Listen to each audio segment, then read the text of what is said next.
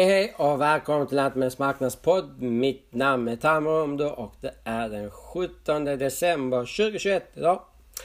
Eh, ja, nu har vi fått en nedgång på kvarnvetepriset efter en väldigt lång uppgång ska vi säga. Eh, ja, vi, vi toppade där kring 311 slutet av november och så har vi tappat den eh, senaste två två, tre veckorna. Ehm, nu är vi strax över eh, 270-275. Jag tror Mars stängde på 276 igår. säger jag. Ehm, men då, då, kan vi jämföra rent historiskt så är detta alltså, hutlöst höga priser. Så vi ligger ju väldigt högt i pris. Eh, även bara jämför mot sommaren då handlades kanske eh, Matif vete kvarnpriset på Mars exempelvis strax över 200. Så vi ligger ju betydligt högre än vad vi gjorde under sommaren exempelvis. Så vi har ju haft en rejäl uppgång. Så en nedgång är kanske lite ja, naturligt också att det kommer en nedgång efter en större uppgång förr eller senare. Och det är det vi har sett just nu kanske. Eh, och det är ju lite så olika saker som gjort att vi har fallit. Det, det ena är ju att det är lite, nu, nu börjar marknaden skifta lite fokus. Det är inte så mycket eh, vete eller korn. Eh, det, det, det mesta håller på att bli tröskade. Det går lite in i vintervilan. Nu kommer fokus på Sydamerika framförallt med majsen och sojabönorna. Eh, så det gör att det är lite brist på information, lite stiltje, lite på nyhetsflöden just nu på den här marknaden. Ehm, på grund av att det är vintervila större delen av norra halvklotet just nu. Eh, det som påverkar kanske om det skulle ske det är ju utvintring. Men rent historiskt. Går vi tillbaka alla dessa här åren och tittar hur stora utvintringar haft inverkan på totala veteskörden så har det minimal. Det är väldigt begränsad påverkan.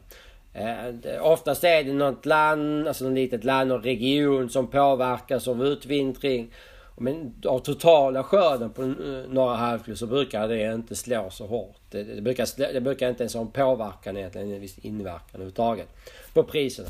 Så, så det kommer ju inte vara alls drivande i dagsläget. Hur, hur, så vete kommer ju mest påverka hur andra spannmål sker i dagsläget i prisutvecklingen. Framförallt majs och sojabönor.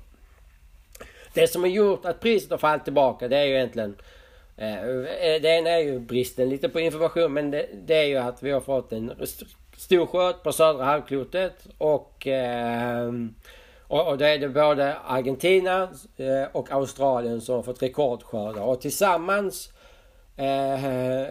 med USA, Kanada, Europa, Ryssland Ukraina så tillhör Argentina och Australien topp 7 länder, det vill säga de stora exportörländerna på marknaden.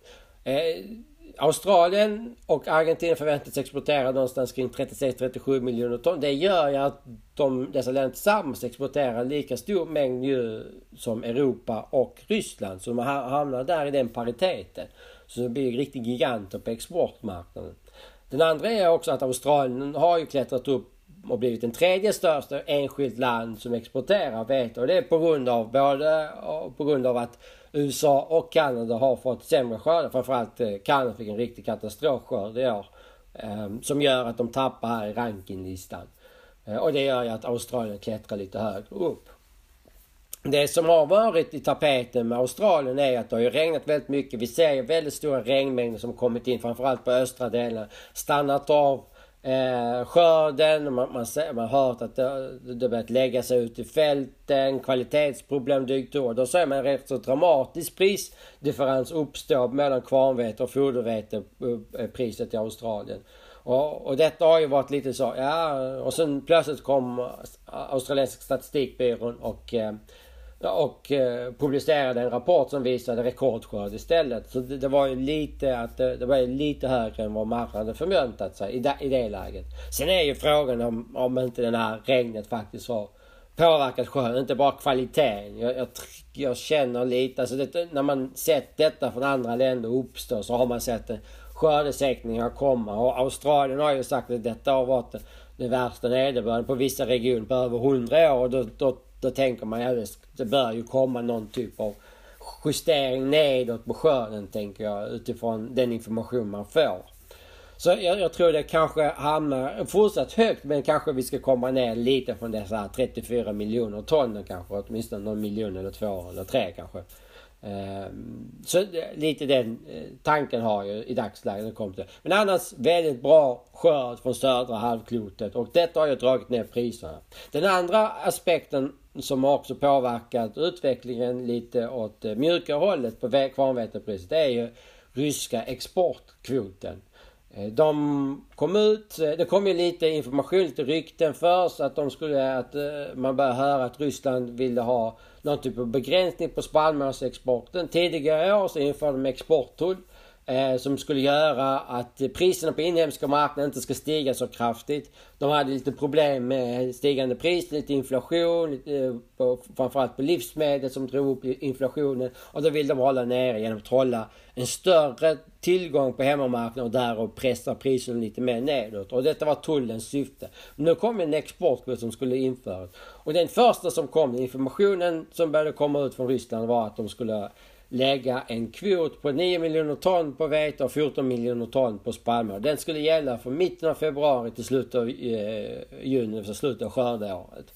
Och detta var lite högre än marknaden hade trott. Så det är många som hade kanske trott det skulle kanske vara kanske 5-6 miljoner ton och hade hoppats på någonting sånt. Men Ryssland gick ut, eh, vad som indikeras först, att det skulle hamna på 9 miljoner ton. Och detta skulle innebära en högre exportvolym eh, för samma tidpunkt förra året och tredje största för senaste tio åren. Och det gjorde att marknaden blev lite besviken förmodligen på den här exportvolymen och därav fick också vi en, ytterligare en prispress på kvarnvetepriset. Nu senaste dagarna har det kommit mer information att signaleras 8 miljoner ton kvot på spannmål och e-, alltså ett på vete och 11 på spannmål. Så något lägre än vad tidigare prognostiserat. Men marknaden tycker inte att detta har någon större inverkan just nu. Det, det andra är ju aspekten är att man, man tror också det kan ske vad som skedde förra gången. Det vill säga när man skulle införa exporttullen. Det var mycket spannmål och vete som fördes ut strax innan eh, den här eh, exporttullen skulle börja gälla och det gjorde ju att exporten föll inte så mycket. Och det är mycket möjligt att vi får kanske ut lite mer spannmål strax innan januari exempelvis och, få en större export då på grund av att kompensera bort lite av det här exportbortfall som kanske uppstår under dessa här eh, exportkursperioden exportkvotsperioden från februari, mitten av februari fram till juni. Så därav så har detta inte någon inverkan. Eh, så det gör ju att marknaden eh, börjar fokusera lite mot södra Sydamerika istället. Nu när vi är inne på vintervilan på norra halvklotet. Och det mesta ser bra ut, framförallt i Europa. Men viss torka har vi hört fortsatt i Ukraina och västra delarna av Ryssland inför vintervilan. Så vissa delar är ju lite torrare än vad borde vara inför vilan. Men, men som så jag brukar inte ha så stor inverkan på prisutvecklingen just nu. Södra eh, Syd Sydamerika är ju fokus just nu och där har man sått eh, i Brasilien färdigsådda med majs och eh, sojabönor nästintill just nu. Det som hörs från Brasilien är att det är torrt i södra delarna av Brasilien, både mot Paraná och Rio Grande do Sul. Eh, som pe pekar på en eh, risk för en sämre avkastning just nu. Framförallt majsen som har blivit sått där Eh, utvecklingen pekar på att det är mycket torrt där. Det finns eh, bilder och videor som eh, visar, som visar hur, hur stressat majsen är i dagsläget. Majsen är, det är den första majsskörden i Brasilien. Den brukar bli mindre eh, relativt mindre än den andra majsskörden som är den stora som påverkar spannmålspriset. Så den lilla brukar gå till inhemsk marknad och påverkar inte den globala spannmålspriset. Kommer inte påverka. Så, så av därav så har den inte så stor inverkan på priset. Men den ger en indikation hur torrt det är just nu. Sojabönan som är sådda lite sen. Man börjar bli lite oroad att de kommer också börja bli stressade och påverka och få negativ inverkan på avkastningarna. Den här regionen står kanske för 30 lite drygt eh, dessa två delstaten tillsammans eh, av totala sojabönsskörden. Annars har man ju förväntat sig en eh, USD har 144 miljoner ton medan marknaden pratar kanske närmare 150 miljoner ton av sojabönor. Och eh, USDs prognos på 94 miljoner ton export från Brasilien tar de över 50% sidan nu. Det vill säga Brasilien har blivit så stora på sojabönor att de har mer än halva marknaden på exportmarknaden just nu. Så de har ju börjat bli nästan i paritet vad Kina är på importsidan på sojabönor. Så så stora har de blivit.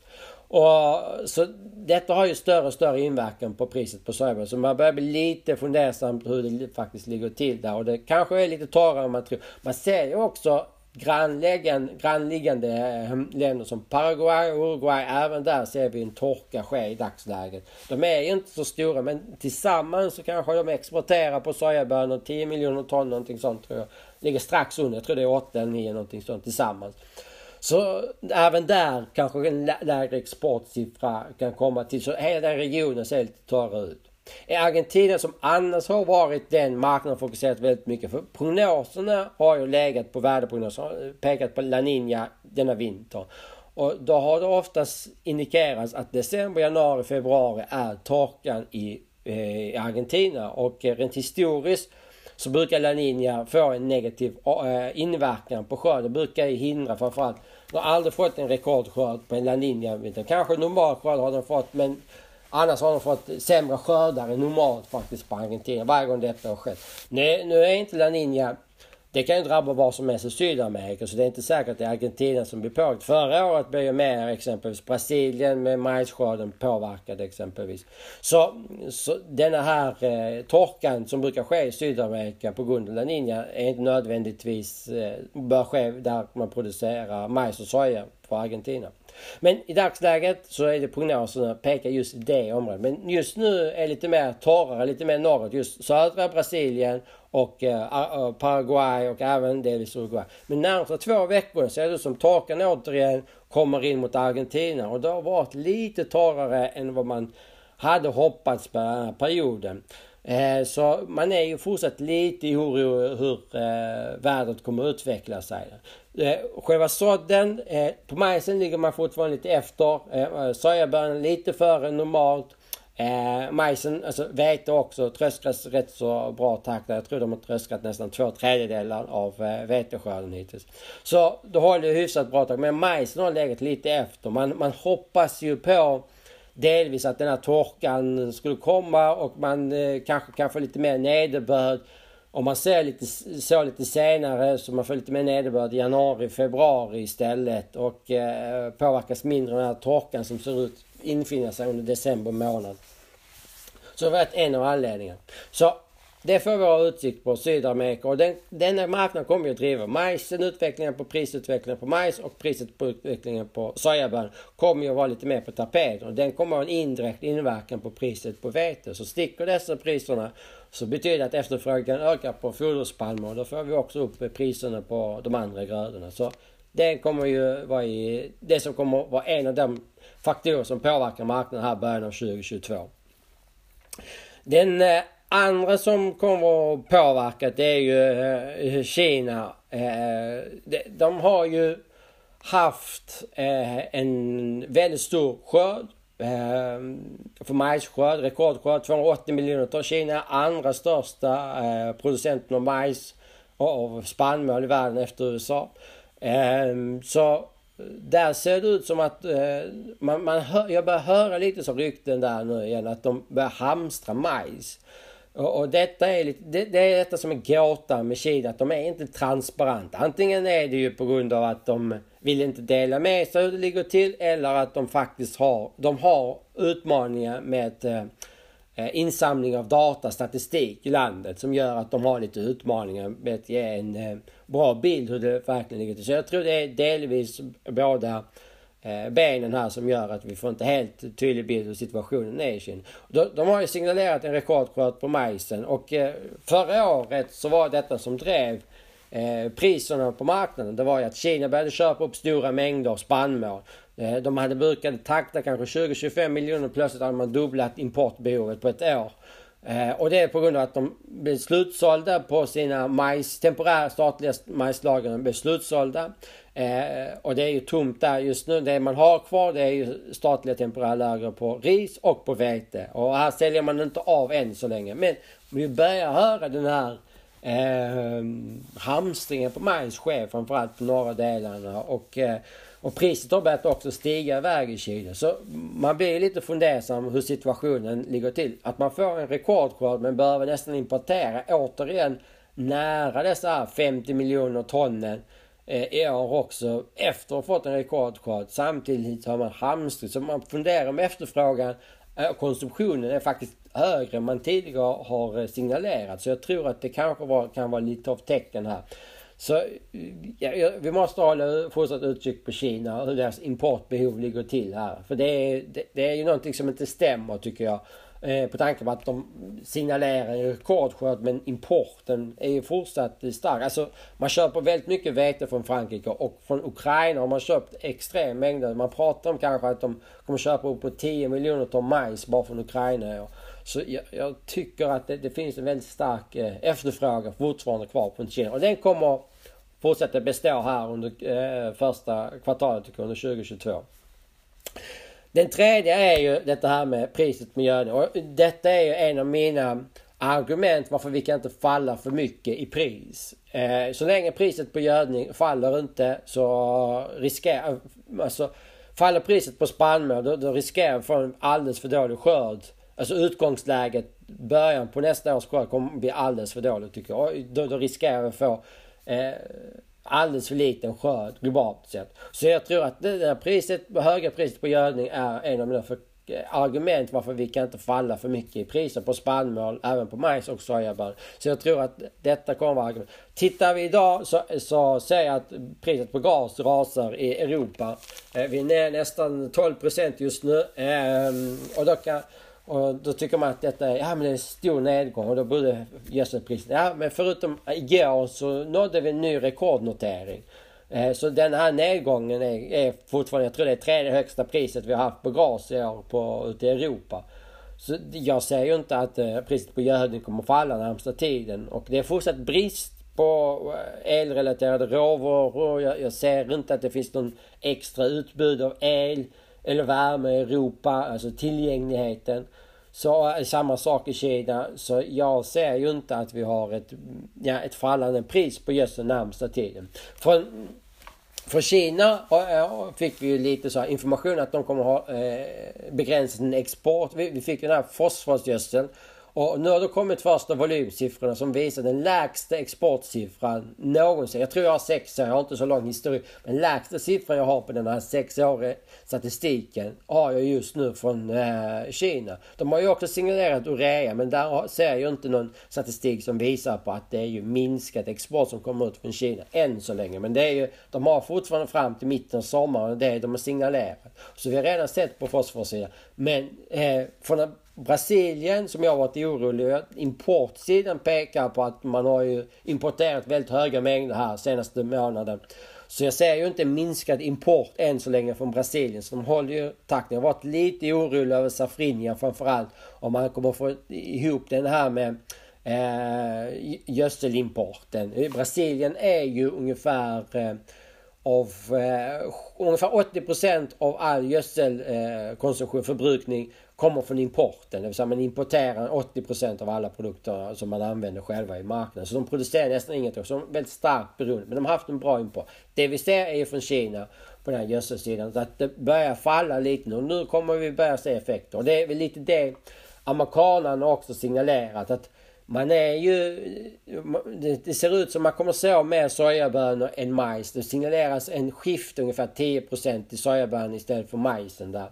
Så det är väl lite det som är i tapeten just nu med eh, eh Kina och eh, eh gödningssituationen. Att vi försöker se att priset på gödning kommer ju att skifta en del arealer från vissa andra grödor till annat på grund av den här bristen som har uppstått just nu.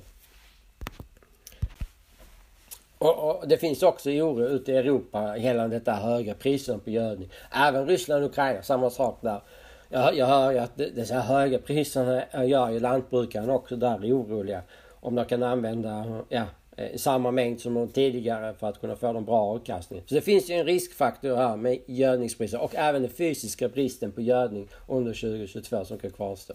Den, den andra aspekten jag vill nämna också med eh, USA, jag vet att jag kommer lite utanför, det, det är att den här med situationen i Kina, det är ju inte bara, de har ju inte bara utmaningar eh, med inhemska marknaden. De har ju problem med sina fraktsituationen eh, också. Det är mycket fraktstörningar vi har med båtarna exempel för deras hamnar. Det har ju uppstått en produktionsbortfall eh, framförallt i, i Kina och i marknaden framförallt med aminosyror I USA så har de svårt att få tag på lusin. Eh, vi ser ju, alltså tittar vi senaste månaden så den som har stark, gått starkast i marknaden är priset på sojamjöl. Den är upp nästan 20 Medan eh, mycket av spannmål och oljeväxter har nästan stått stilla lite sådär. Men den har gått absolut starkast och det är på grund av att efterfrågan på sojamjöl har ökat. Eh, eftersom eh, man brukar använda, i USA använder man DDGS tillsammans med lysin. Eh, men eh, eftersom man inte får tag på lucinen så, så faller efterfrågan på DDGS och ökar på lucin. Den har ju rätt så goda Lucinkällor, eh, alltså förlåt, priset på sojamjöl. Eftersom den har rätt så goda Lucinkällor där. Så den driver ju på istället prisuppgången här just nu på sojamjöl i, USA. DDGS är ju en produkt som uppstår efter man har producerat etanol eh, av majsen i USA. Eh, och, och, och, den är väldigt stor, ungefär 35-38 procent, någonting sånt av all majs blir ju DDGS. USA. Så väldigt stor andel av totala eh, foderinblandningen i USA. Så det har gjort att man har börjat se lite den här effekten. Så lite den här fraktstörningarna i Kina tycks kunna bestå och framförallt nästa år så signalerar Kina att de kommer bli lite mer striktare med all mat som importeras in mot landet. De har kommit ut med en ny regel. Det är väldigt många som har höjt rösterna här och sagt att de ska avvakta med detta på grund av dessa störningar som de har just nu i deras hamnar med alla leveranser och problematiken med leveranser. Det tycks som att det kan kanske bli typ lite värre nästa år när Kina inför dessa striktare eh, regelverket mot import av eh, ja, livsmedel. Så, så det ser ut som att Kina kommer att vara lite av en eh, ja, bubblare. Både på spannmålssidan och även på annat, sidan, annat håll som kommer påverka våra marknader. Så eh, priset på gödning som så, så vad säger jag, Sydamerika, Kina, Eh, ska vi sammanfatta nu. Eh, vad sa Sydamerika, Kina och priset på gödning. Även andra insatsvaror. Jag vet att elpriserna stiger men det är ju brist på gas. Det är svårare än så är det inte. Det driver upp. Alltså jämför vi priset i Sverige i förhållande till Tyskland. Jag tror de ligger så två, två och en halv, tre gånger högre pris i Tyskland. Det är inte på grund av att Sverige har brist på el. Det är på grund av att Europa har brist på el. Världen har brist på el.